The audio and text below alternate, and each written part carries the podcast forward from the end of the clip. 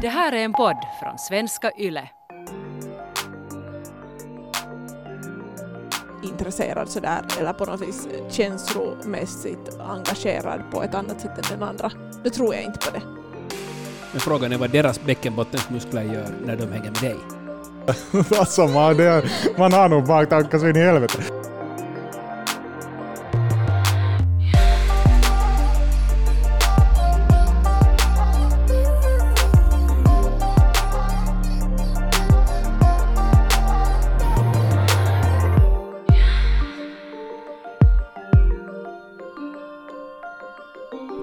Har ju hela min ungdom egentligen bara gått omkring och varit väldigt kär i mina kompisar utan att kunna säga det.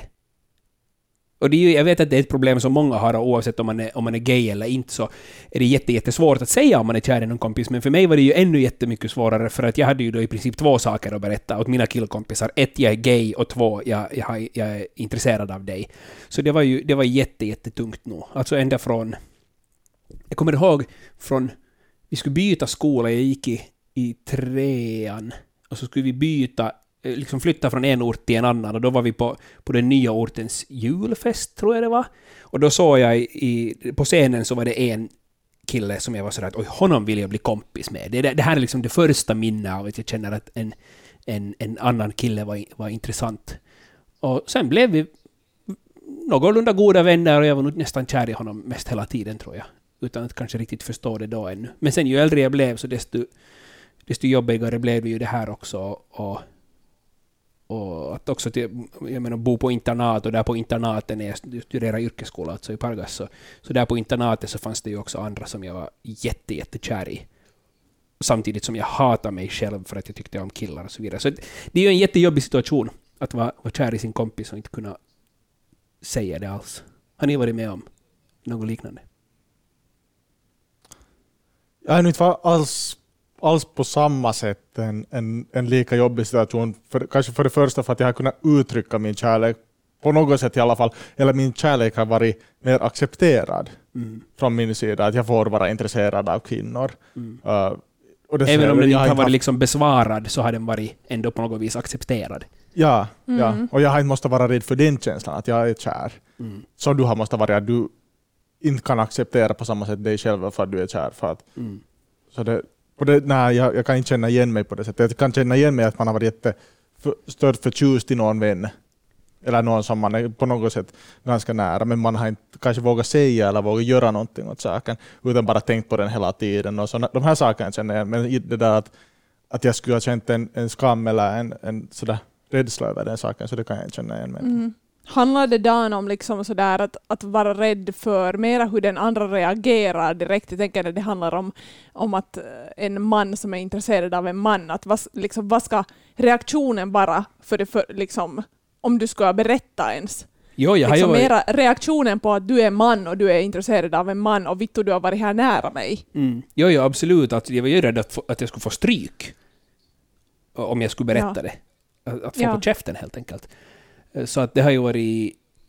Det har ju fört mig liksom i, i speciellt under kanske sista åren i yrkesskolan så, så var liksom, jag var jättedjupt ner i, vad jag nu, nu i efterhand tror jag i alla fall var en depression och så vidare. Och, och, och till ganska stor del så var det nu det att, att jag var ensam med känslor överlag och inte kunde prata om mina känslor. Inte bara det alltså vem jag var kär i, utan, utan att bara inse att man är annorlunda än alla andra och, och känna i alla fall att man inte var accepterad. Nu är jag bland de människorna mycket mer accepterad än vad jag trodde att jag skulle bli, så att den, den rädslan till viss del var ändå nu i efterhand i alla fall obefogad. Inte vet jag hur de skulle ha reagerat då, om jag skulle ha kommit mm. ut och berätta, eh, berätta. Men nu skulle det ha kunnat bli jobbigt eftersom vissa av dem så så bodde jag ganska nära mig just eh, på samma enhet och så vidare på, på internatet. Så att jag tror att det skulle bli en jätte, jättejobbig situation om jag skulle berätta. Ja, helt säkert. Men det där som du Mattias säger, att inte kunna känna igen sig i det där såklart. Det är nu en, alltid enklare att vara enligt normen, att vara hetero. Att då är det kanske mer sådär um, ehm, Jo, förstås kanske rädsla för att, att känslorna inte äh, besvarade, men inte rädsla för att få på käften om du liksom säger, utan kanske rädslor kring helt andra grejer, att vara kär i en kompis när man är hetero. Mm. Absolut, och i alla fall om man inte har kommit ut och, och är rädd för det där så då är det i alla fall, tror jag. Sen, men vad är det nu, alltså man, ja, man hade ju rädslor. Jag vet inte hurdana rädslor jag hade. Jag, jag har aldrig varit jättebra på att säga till någon att jag är kär i, i någon. Eller, jag vet inte om kär är rätt ord heller, men att jag tycker om eller jag är intresserad. Kanske kär är åt mig ganska djupt. djupt men jag är så här intresserad av någon, så jag har aldrig riktigt jätterätt kunnat säga det till dig. Och säga sådär att hej, jag är på riktigt intresserad av dig. Det har måste ha gått ganska långt. Så jag har aldrig varit riktigt så bra på att säga det ut. Mm. Nu handlar det ju nu helt säkert om att, att lite skydda sig själv för att inte, äh, inte kanske bli dissad. Så hellre äh, att liksom kolla upp att månne den andra visar något intresse än att blotta sig själv. Och det där är ju jätte, jättesvårt, för att när man är upp över öronen förälskad, och inte behöver det ens vara så mycket, man är, men man är väldigt, väldigt intresserad av någon, så allt som den gör så tolkar man ju som ett tecken på att "Åh, vänta, nej men kanske han tycker om mig ändå, eller kanske hon är intresserad. Vet du så här, Mm. Ska vi titta på film, vad, vad vill du ha för krydda på popcornen?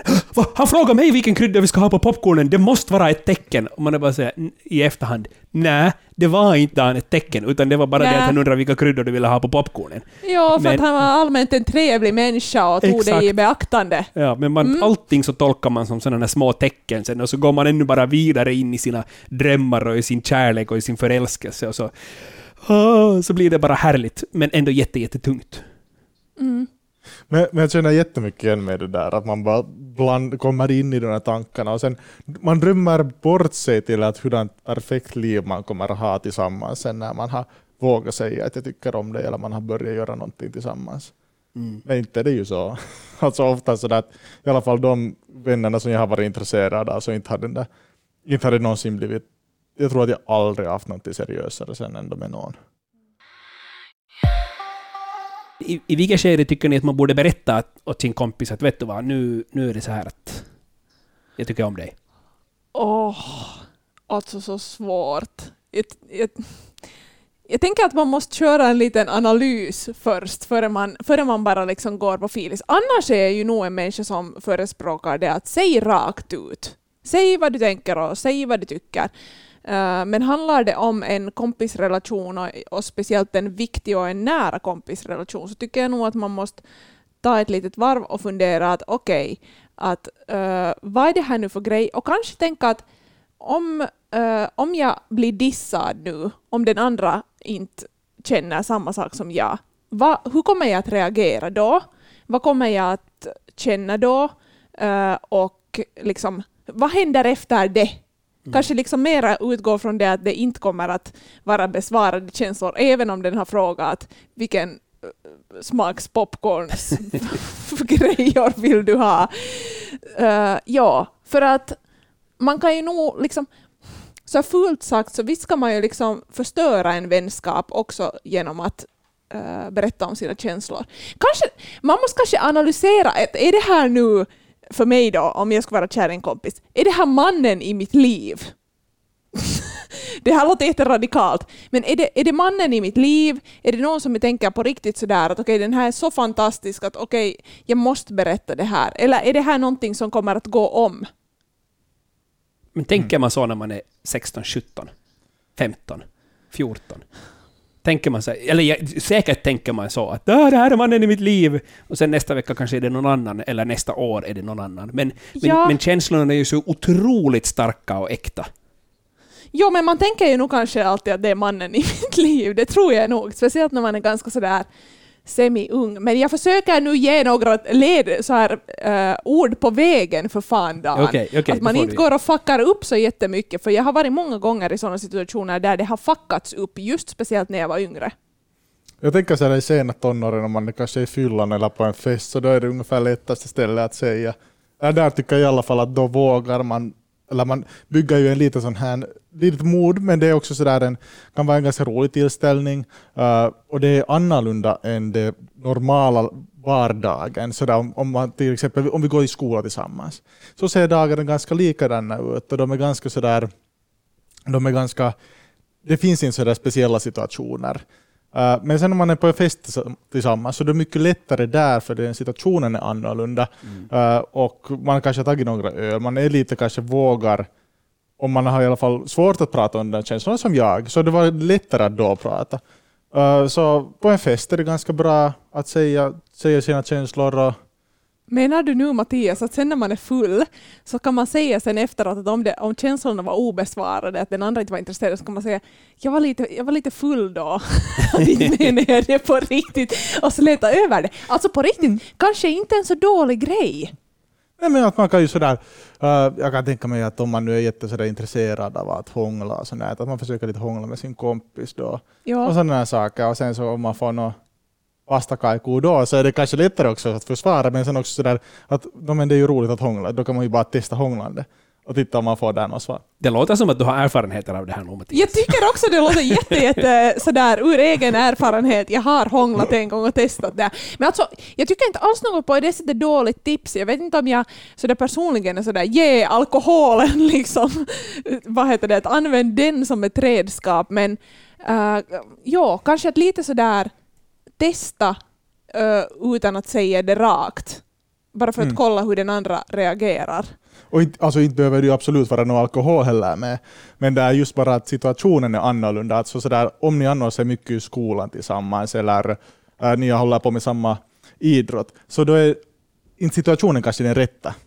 Och då om, sådär, om andra håller på och hånglar runt omkring eller något sånt där, så det, då finns det också kanske en förväntning, men också kanske sådär att man har äh, att det är en lättare väg att gå där än att göra det på en, en plats som inte känns så jättebekväm, eller där det här är rätt. Men håller du med Mattias om det som Malena funchar på, att man måste på något vis analysera att är den här vänskapen nu värd mera än ett eventuellt förhållande som kanske kan komma av det här?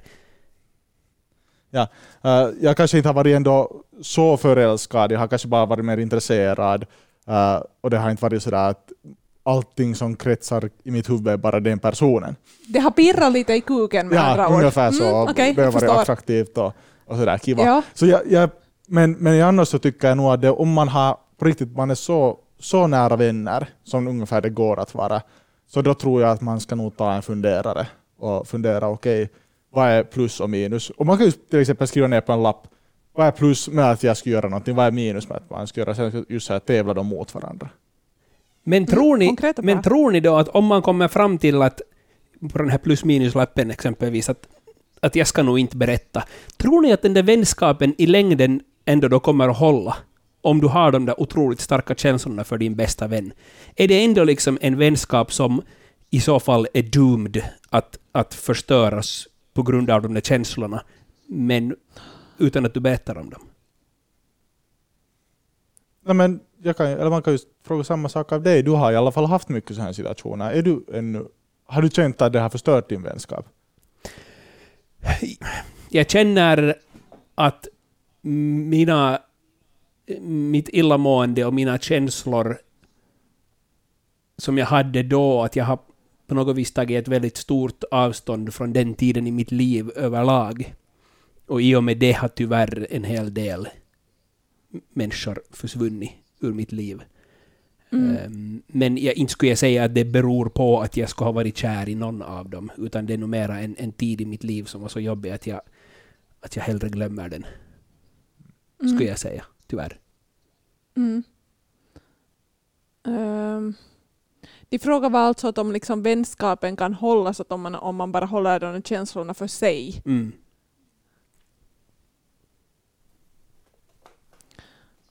Svår fråga. Jag vet inte. Det beror väl, det beror väl lite på. Uh, jag tänker nog kanske uh, liksom som med vad som helst för förhållanden så kanske man behöver lite distans en stund, möjligen. Uh, jag tänker så här, som när man gör slut efter ett förhållande så kanske man inte direkt, eller ganska sällan, ganska få människor som kan direkt vara sådär äh, jättenära varandra och, och stanna som de bästa och godaste vännerna, liksom genast direkt efteråt utan att äh, det känns konstigt och jobbigt. Kanske man behöver en liten paus i vänskapen också i så fall. Jag vet inte, men då är det, det kanske blir så där att hur ska man ta en paus i vänskapen så där plötsligt? Att man är jättegoda vänner och så säger man bara att hej, nu skulle jag behöva vara lite för mig själv. Jag vet inte, kanske det blir liksom så att, att man måste uh, få säga de där känslorna då och sen ta den där pausen. Nu börjar jag prata emot mig själv märker jag. Det är ju jätteroligt. Mm. Men jag inser ju att det här är ingen enkel grej, men kanske är jag bara bitter och fittig för att jag har varit i sådana här situationer så många gånger, där jag har haft jättebra vänner som sen mitt i allt har varit sådär, ja ah, men jag är intresserad. Och så har jag varit sådär, aha, att här har vi liksom skämtat om, om, om det här att, att folk skämtar om att vi är ett par nonstop. Mm. Jag ska berätta om ett case. Jag gick i, uh, i yrkesskola um, hade en pojkvän och var jätte, jättebra kompis med en kille. Liksom kanske en av de sådär närmaste kompisrelationerna jag hade under den tiden så uh, var en kille. Och, um, under hela den liksom tiden, vi var först vi var på ett sånt kort utbyte tillsammans uh, och efter det hängde vi jättemycket tillsammans och hela, liksom, hela vår klass och alla som, som kände oss och såg oss tillsammans så, så hade alltid någon så här läppa om att vi är ett par. Och så var vi alltid tillsammans sådär att no, att ser i reven. Att helt som en heterokvinna och en heteroman inte skulle kunna vara liksom bra covering. Det var vår liksom sådär go-to-läppa som vi alltid skrattade åt tillsammans. Att ser i reven nu, att, att gå någonstans. Uh, sen blev det sommar och sommarlov. Jag hade gjort slut med min pojkvän för uh, någon tid sen och så träffade jag en ny uh, människa, en ny man, en ny pojke som blev min pojkvän. Och då, när jag berättade det här åt den här min kompis, den här min killkompis, så reagerade han jättestarkt och så, då berättade han plötsligt att han är nog intresserad. Han har varit intresserad jättelänge. Och då var jag så här, men vad i fittan? att vad är grejen? Att du kan ju inte gå omkring och skratta med mig åt det här att, att folk kastar läppar om att vi är ett par, om du på riktigt skulle vilja det. Att då måste du för helvete säga det. Och jag kommer ihåg att jag blev så jävla, jävla ledsen och liksom grät i dagar för han sa att, att då kan vi nog inte ses, då kan vi nog inte vara vänner. Så det tog jävla hårt på mig och det här liksom under min, då när jag var liksom teini, när jag var ung, så det här hände liksom två, tre gånger, att jag hade jättegoda uh, och jätteviktiga relationer med män, liksom vänskapsrelationer, och så hände det här, och så var jag liksom varje gång, okej okay, jag är helt fittigt blåögd, det måste vi ju säga, det är jag mm. ännu idag. Det vet men, men jag, men jag blev liksom helt supersårad och superledsen. Att, vad fan, att duger jag inte som människa? Uh, att jag duger bara liksom som flickvänsmaterial för det var min följande fråga sen, att, att hur ska man reagera om en kompis säger att vet du vad, jag är kär i dig, och Malenas tips är här att man ska reagera ungefär så här. Men vad fittan! Du måste ju vittu berätta! Vad är inte ditt tips ungefär, ja, Malena? det där, alltså, men det där är roligt när du säger det, för så där kan jag ju vara nog. Liksom i stunden innan jag lugnar ner mig och, och liksom tänker efter att okej, okay, nu är den andra berättat någonting som har varit liksom stort och, och svårt för den. Mm att nu har jag liksom insett sen kanske efteråt att det är inte en, no, som ni märkte, jag redan här under den här poddinspelningen så jag talar emot mig själv mm. säkert två gånger. Att det är inte en enkel situation. Att jag ja. tänker att ha, kanske ta det med ro och diskutera, men kanske det beror på vad den där andra människan säger. Att när jag två gånger då under den jättekorta tiden fick i mitt face att jag är intresserad, om du inte är intresserad så kommer det inte att bli något av den här vänskapen heller. Att då när någon annan också beter sig väldigt svartvitt så blir man ju också själv kanske defensiv och beter sig själv också sådär. Men att, att vad helvete, istället mm. för att vara sådär okej, okay, att tack att du berättar att sorry men att jag känner inte samma sak, att, att vad gör vi nu?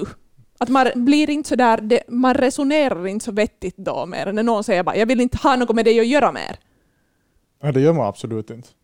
Jag började tänka bara tillbaka till den här killen, killen då när du hade kommit ut ur förhållande, att, att han kan ju inte säga när du är i ett förhållande Nä. att han är intresserad av dig. Ja, det sen har det några, tagit några månader och säkert låtit dig sådär vara lite.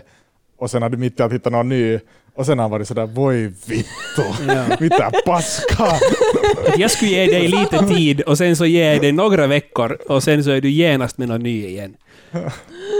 Mm. alltså jag, jag fattar ju liksom så här efteråt att inte det är ju som jag liksom reagerar, så inte var jag ju heller reagera på det bästa möjliga sättet, men att uh, jag, först, jag förstår både honom och jag förstår mig själv den här, liksom nu den här stunden, att varför det blev som det blev. Janne Grönros som jobbar länge på Extrem, så han, han sa flera gånger det där att en heteroman och en heterokvinna kan inte vara bästa vänner utan att den ena är, är eller i något skede blir kär i den andra. Och sen när någon var sådär nej det där stämmer inte alls för jag har en jättebra kompis som är av andra kön, jag är inte alls kär i honom eller henne. Och då är han sådär mm, no, men tror du att han eller hon är kär i dig då? Och sen blir man alltid tyst. Så att, eh, så att vad, vad tror ni? Har Janne Grönros rätt när han säger att en heteroman och en heterokvinna kan inte vara bästa vänner? Utan att det förekommer känslor i något skede. Alltså, inte har han, inte har han 100% rätt i det. Men det som jag själv, själv vet och uh, det som jag tror att är ganska bred, att, alltså, man behöver kanske inte förälska sig i varandra eller man behöver inte bli stört förälskad eller stört kär, men någon sorts känslor kommer det ändå upp. Om man är, alltså om båda heter och båda är ändå sådär. Alltså jag tror att, att det automatiskt byggs upp några små förväntningar. Mm. Uh, till de flesta. I alla fall att man lite så här tänker, någon tänker hur skulle det vara att vara i säng med den här eller om vi skulle sällskapa eller någonting sånt. Jag tror att det är ganska vanligt. Malena jag tror att det är inte ganska naturligt. med. Men Alltså, säger du som har varit det- fyra gånger på det viset att du är bara sådär ”men vi är bästa vänner” och sen så säger de Ja. att de är kära. Alltså vi pratar, det blir lite en så här diskussion om att friendzona någon. Liksom, eh, jag tycker ofta den diskussionen går jag med män. Eh, Just så här. Ja, vet du, jag, när du Mattias säger de här grejerna, att ofta så går det en sån här tanke. Eh, jag har hört det där från många män, men jag hör inte från många kvinnor. Att det, liksom, det finns inte kanske en likadan tanke där. Nu kanske jag generaliserar helt jävligt hårt, men jag, jag låter det gå i alla fall. Eh, ja, alltså jag, jag håller inte alls med där. Att nu vet jag liksom... Nej, jag funderar nog inte... Kan vi säga så här? Fittan ljuger inte. Och Och det här, kan- nu, nu får du förklara. Eh, berätta, vad menar du med fitta? Spännande, liknelse. när, när Mattias säger att man kan lite tänka att hur skulle det vara att, att ligga med någon? Jag behöver inte liksom tänka ens en sån tanke utan att... eh, hur, hur ska jag nu förklara det? Det kan Mm. hända att det här nu spårar Hur ut ska åt du nu helt förklara fel det håll. den här. Men att Mattias säger att, att man kan tänka den tanken att hur skulle det vara med någon annan, liksom, eller med ens kompis att, att liksom ha sex. Så jag tänker nog inte alls några sådana tankar. Eh, Jag kan tänka en sån tanke om min fitta säger åt mig att tänka sådana tankar. Alltså om jag träffar någon eller hänger med någon som jag tycker att är på något vis attraktiv, som jag går ihop med, så mina fucking bäckenbottenmuskler börjar göra stuff. Mm, Alltså drar ihop sig Okej. när jag är med den där människan jag ser. Då, alltså, så därför behöver jag inte fundera liksom extra att hur skulle det månne vara. För att känner jag attraktion så då funderar jag en sån grej. Men att jag har hundra, inte hundra, men jättemycket killkompisar där jag inte känner alls något sånt. Där mina bäckenbottenmuskler inte gör ett skit. Men jag har bara jävla trevligt med dem, de är bra typer, jag trivs i de- deras sällskap.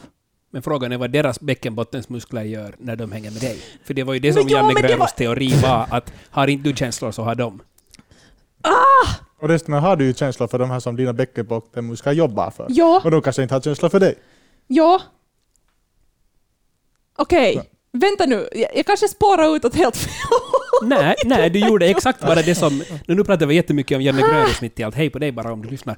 Men, Jag hoppas. men eh, hälsningar ditåt bara. Nej, men, men, eh, nej, men det är just det att ju mer du förklarar att vissa har du inte känslor med, men andra har du, så, så då enligt den teorin så berättar du också vilka av dem som har känslor för dig.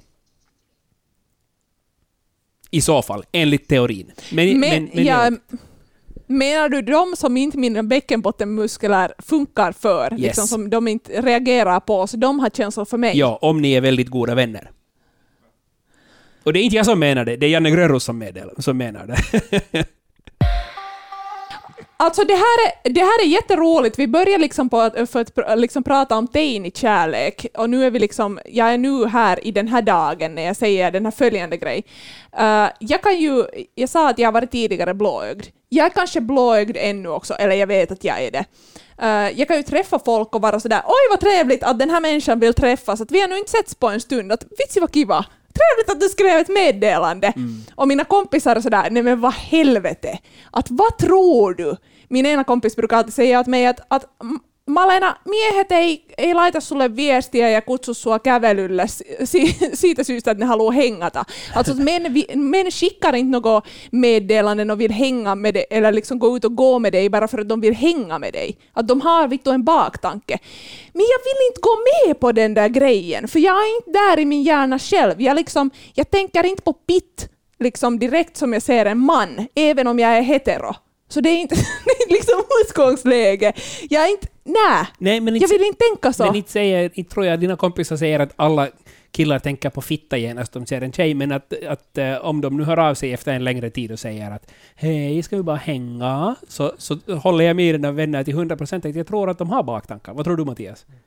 Jo, absolut. alltså, man, det man har nog baktankar så in i helvete. Men alltså sen samtidigt, inte det är ju...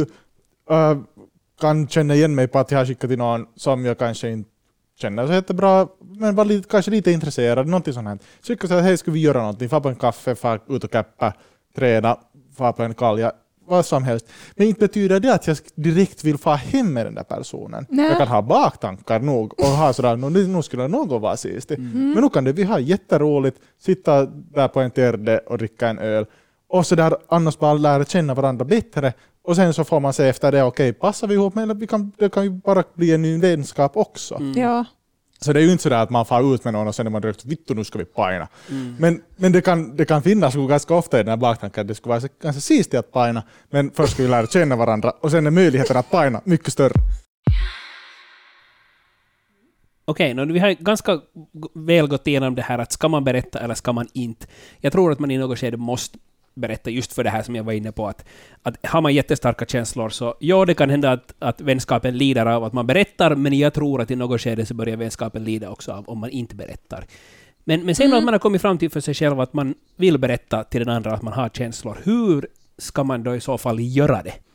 Vad tycker ni? Mattias, du var lite in på det här med att ja, men kanske på någon fest eh, lite smått föreslå någonting, kanske inte tänka jättemycket på framtiden utan lite mera carpe diem som vi har varit inne på många gånger. Nej, men att, att man, man ser lite vad som råkar hända en, en festkväll och sådär. Men om man sen på riktigt vill berätta om sina känslor, hur tycker ni man ska göra det?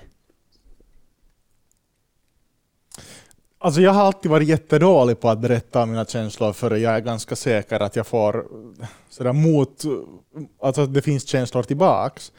Men sen samtidigt så tycker jag jättemycket om när människor har sagt direkt, eller rakt åt mig att sådär, hej jag har känslor för dig. Jag eh, känner så här. Eh, Jag vill inte fortsätta ligga med dig. Jag respekterar det jättemycket. Så jag vill att människor ska kunna säga rakt ut, hej jag har känslor för dig. Då kan man besvara dem. Okej, men jag kanske inte har känslor, vi kan ligga tillsammans ännu, men jag känner inte att vi kan börja påbörja ett förhållande. Eller så något sånt här. Då kan man svara mycket bättre. Uh, så lättast är det nog att besvara, alltså säga sina egna känslor och sen därifrån kan man fara vidare. Om man är rationell, jag försöker i alla fall vara rationell om människor har sagt att jag känner någonting för dig och då ska man också vara ärlig. Vi kan försöka, vi kan inte försöka, vi kan göra det här eller gör vi ingenting alls. Men jag tror att det lättaste och det blir bäst om man bara så modigt som möjligt vågar säga. Och då kan man skicka på, jag tror att det är lättare att, att skicka på Instagram eller WhatsApp eller Snapchat, skriva någonting och sen skicka. Och sen så där får man vara lite nervös och översvara den här personen. Och sen så svarar den någonting än att säga face to face. Mm. Bra tips tycker jag med det här med att skriva. Uh, för jag tänker också, jag, tänker, jag försöker tänka liksom den här stunden, men jag tänker mig själv för liksom, nu ska vi nu säga tio år sedan, så inte skulle jag nu vara lika sådär eh, pang på och lika självsäker som jag är nu, att om jag liksom skulle känna något för någon, så skulle jag nog kanske i den här stunden så skulle jag nog säga ganska rakt att hej, att, att, att, att, att jag känner så här. Uh, men det är för sån, sån är jag. Och jag uppskattar också, just det som Mattias säger, så sånt uppskattar jag. Men jag tänker mig själv, för just tio år sedan så då kanske jag inte skulle jag ha haft liksom en sån stund där jag till exempel skulle vara intresserad av någon av de här mina kompisar, så inte vet jag om jag skulle våga uh, så där direkt face to face säga den grejen, utan kanske hellre då skrivit ett litet meddelande och, och varit sådär gärna hemma mm en stund. Och kanske det är ett helt bra sätt också, för då får den andra lite en så här uh, det kommer inte så där rakt i face utan den får en liten stund att fundera innan den reagerar så blir det inte det där som, som jag kände då, att vad helvete. Mm. Och jag kommer ihåg någon när jag har skickat alltså helt sådär bara något så här högstadie för början av högstadiet när man har börjat haft något sådär sällskap där och det har inte alls varit seriöst men där har man skickat just meddelande att det ska bli ihop eller någonting. Mm. Och sen har man kunnat sätta bort den här telefonen för att man har varit så nervös. Och sen har man inte måste titta på det förrän man vill göra det. Mm. Och sen när man har sen sådär, okej okay, nu har jag lugnat ner mig, nu är jag äntligen nervös det, så kan man ta upp den och vara sådär, ah, jag svarar sådär jakande eller nekande eller hur den nu svarar. Men sådär att man, då, man behöver inte ha svar, man behöver inte få svaret direkt, man behöver, den andra får fundera och man får själv också bestämma att okay, hur ska jag ta emot svaret? Det är sant, för då är man kanske också lugn själv och inte börjar panikera sådär som face to face kanske det enkelt blir. Mm. Men ni tycker ändå att man ska ändå vara ganska tydlig och säga så här att hej, jag tycker, jag tycker om dig. För min teori eller tanke är så här att man kanske ändå ska vara eller lite åt det här hållet som Mattias var med festen, att man ändå kan lite ta tillbaka det om det behövs. För att ibland kan det ju också vara så att man har byggt upp i sitt huvud bara den här fantastiska bilden av hur det skulle vara om man skulle vara tillsammans. Och sen så visar det sig att, no, att det här var nu mest bara en fantasi och, och, och, en tanke, och nu när jag har sagt ut den så har jag liksom blivit av med en massa av den här spänningen, och då kanske det inte var liksom så akut mera att det här måste, liksom, vad ska man säga, att det är vår vänskap eller vårt förhållande, men, men vi kan inte ha vi kan inte ha vänskap om, om, om vi inte har förhållande. Så, så mm. skulle man kunna skriva bara någonting sånt att hej, jag tycker jättemycket om att hänga med dig och jag vet inte liksom att är det, är det mera än bara vänskap. Att man ändå är lite diffus, men att man ändå är relativt klar med vad man, vad man menar, men att man säger ja. att man inte själv har... har för jag, eller jag kommer ihåg det så här. Eh, när jag kom ut ur skåpet till en god vän, så frågade han av mig att okej, okay, var det sådana känslor du hade för mig också då tidigare, för vi hade haft eh, eller det, det, var bara jobbigt mellan oss. Vi hade inte gjort någonting överhuvudtaget tillsammans, men det var bara liksom jobbigt för att det var en jobbig tid för att jag mådde dåligt och jag hade känslor för honom. Men då sa jag att jag har inte analyserat de känslorna. Så jag vet inte. Och det var liksom för mig ett sätt att lite komma undan det där i alla fall, i efterhand. Så att jag undrar, borde man göra samma sak där, att säga att jag vet inte att tycker jag om dig så bara som en kompis, eller tycker jag om dig mera? För mm. då, då kan man också lite känna av vad den andra svarar. Eller ja. hänger ni med alls vad jag, jag säger? Jag, ja, ja. Jag, hänger, jag diggar det där. Jag diggar det där. Att, man, att jag tror inte att det kanske alltid är bäst att ge allting. Jag älskar dig över allting i världen. Om du inte önskar mig tillbaka så tänker jag försvinna från ditt liv. Mm. Jag tror inte någonsin är bra, bra sätt som du blev Malena. Mm. Jag tycker inte heller. ja. Kärleksförklarad. Men just sådär att jag känner något för dig. Mm. Jag, alltså så här, något. Jag vet inte, jag kan inte definiera det ännu. Men något känner jag. Mm. Och då är det lätt att styra det och, och diskutera det i alla fall. Mm. Om det är bara en man har berättat lite, men att man inte behöver berätta att jag har drömt om dig i 15 nätter i sträck och tänkt en evig framtid, då blir den andra rädd. Men om man säger att jag har något känslor för dig, så kan det vara lite så hmm, och kanske jag också skulle kunna tänka lite på dig. En, en människa i din bekantskapskrets som du träffar alltid nu och då, kanske via gemensamma kompisar och så vidare, eh, berättar för dig att hen har känslor för dig. Be behandlar du den här situationen olika och ser framtiden som bekant med den här personen olika ut om det är en man eller om det är en kvinna? Ja, jag, jag tror att det ser olika ut. Kanske uh, för att jag ändå definierar mig själv som hetero. Um,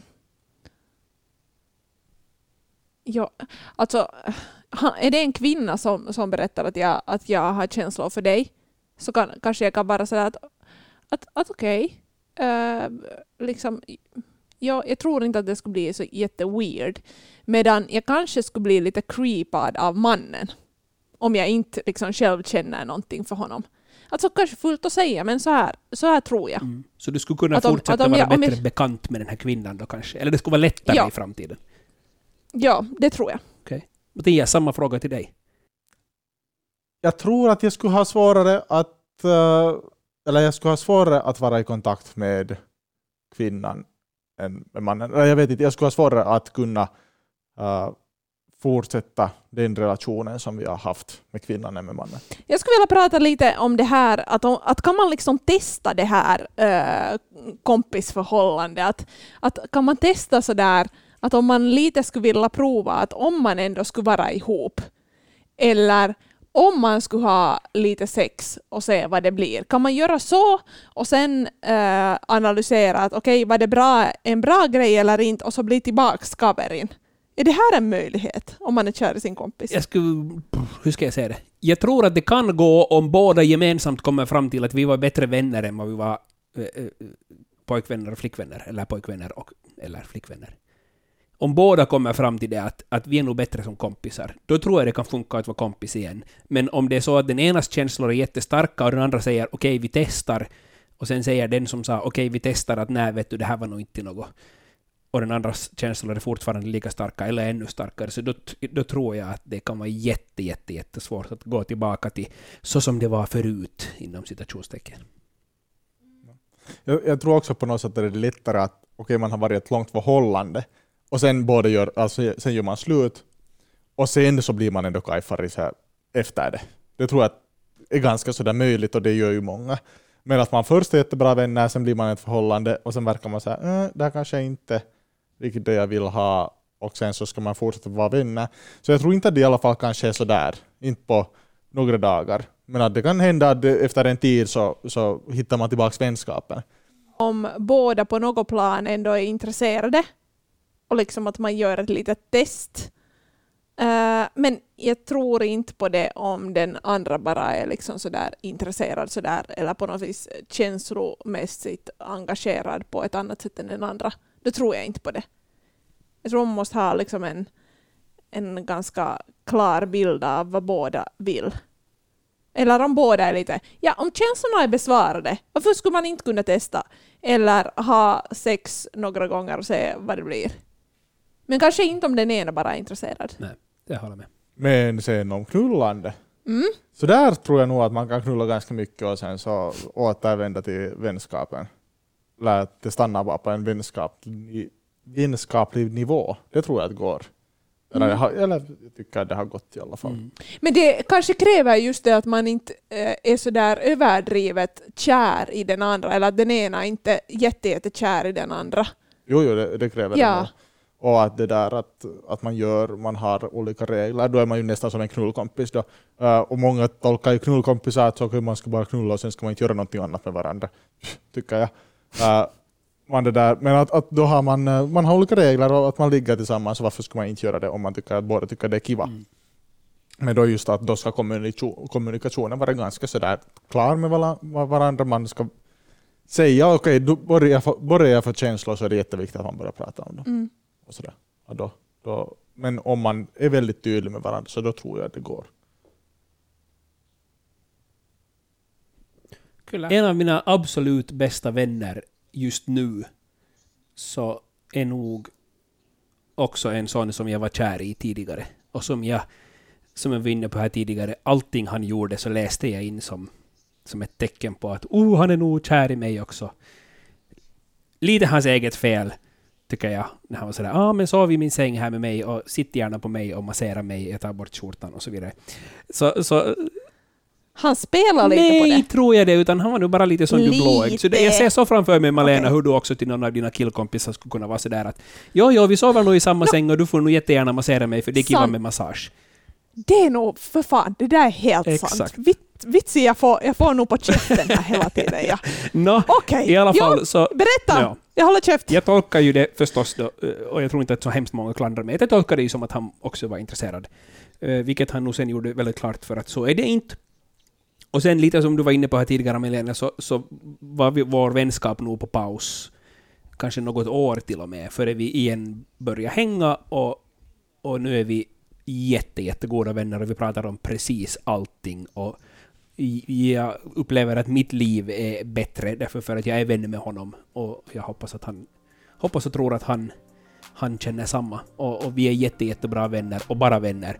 Så jag tror att det definitivt kan funka i längden, men jag tror att den där lilla korta pausen då, eller en längre paus, kan behövas där i det skedet.